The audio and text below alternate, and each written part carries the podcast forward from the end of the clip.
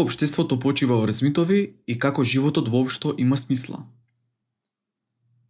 Човекот, како несвесното животно на оваа планета, своето постоење го заоснова на митови. Антиката е примерот и времето кога човекот целиот свој живот го ориентирал според митови. Грчката митологија е преобемна и комплексна, а на тие митови се подпирала цела една религија и цело едно општество, цивилизација. Денес, но секако и вековите наназад, луѓето создавале митови за да можат да обстанат. Морале да се поклонуваат на сонцето, водата, дрвјата. Денес ние се поклонуваме и нашата државност и националната колективна свест се подпира на крали Марко, Гоце Делчев, Александар Македонски.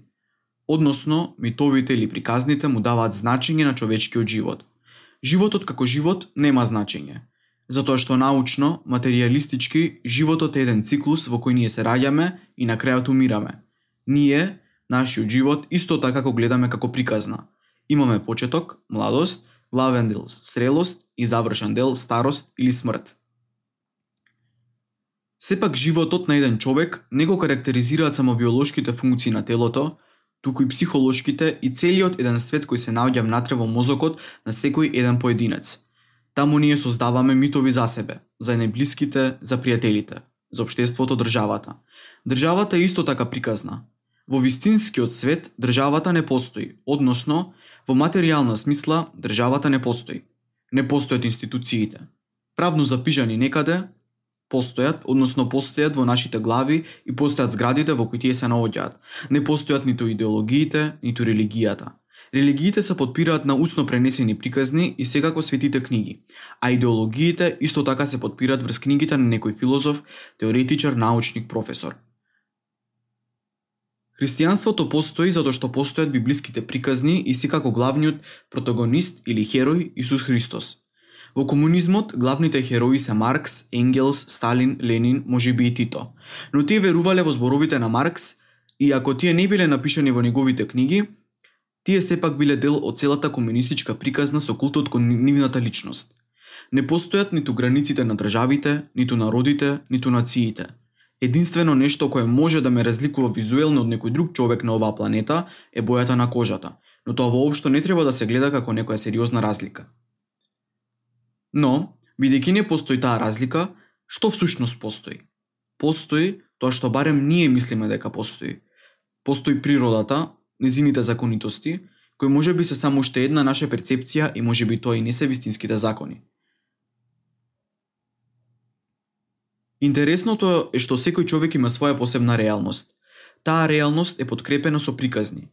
Приказните често се подкрепени со личности, места, предмети, идеологии кои ни даваат посебно значење на нашиот живот. Уметноста, филмовите, музиката, литературата, уметничките дела, нацијата, некоја посебна обштествена група не создава нас односно нашето јас. Мораме како луѓе да создаваме групи во кои ние самите бе припаѓале. Припадноста некаде не прави сигурни, не прави нас. Што би се случило кога не би постоеле книги, идеологии и држави, на кој начин ние би се одредувале? Кој сме ние? Што сме ние? Дури и науката, односно човекот, затоа што науката човекот ја создава, одредува како ќе биде нештото наречено, и повторно наоѓа значење и цел на тоа нешто во универзумот. Секако дека природата има цел, но сепак човекот одлучил на некој начин дека едниот дел на луѓе ќе бидат мажи, а другиот дел од луѓето ќе бидат жени. Природата и самата материјалност би требало да биде највистинската реалност која што постои. Од друга страна, пак никогаш не можеме да бидеме сигурни дали воопшто природата и материјалниот свет се ултимативната реалност и вистина за овој свет и универзум.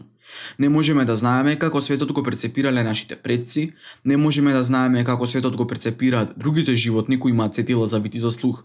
Дали тие, животните, бидејќи не можат да создаваат митови приказни, го гледаат светот на најприроден можен начин, Одговорот може да биде и од двете страни. Да, но го гледаат само површински и не знаат на пример зошто грми или зошто врне, но сепак не му даваат значење и го гледаат на најчист можен начин.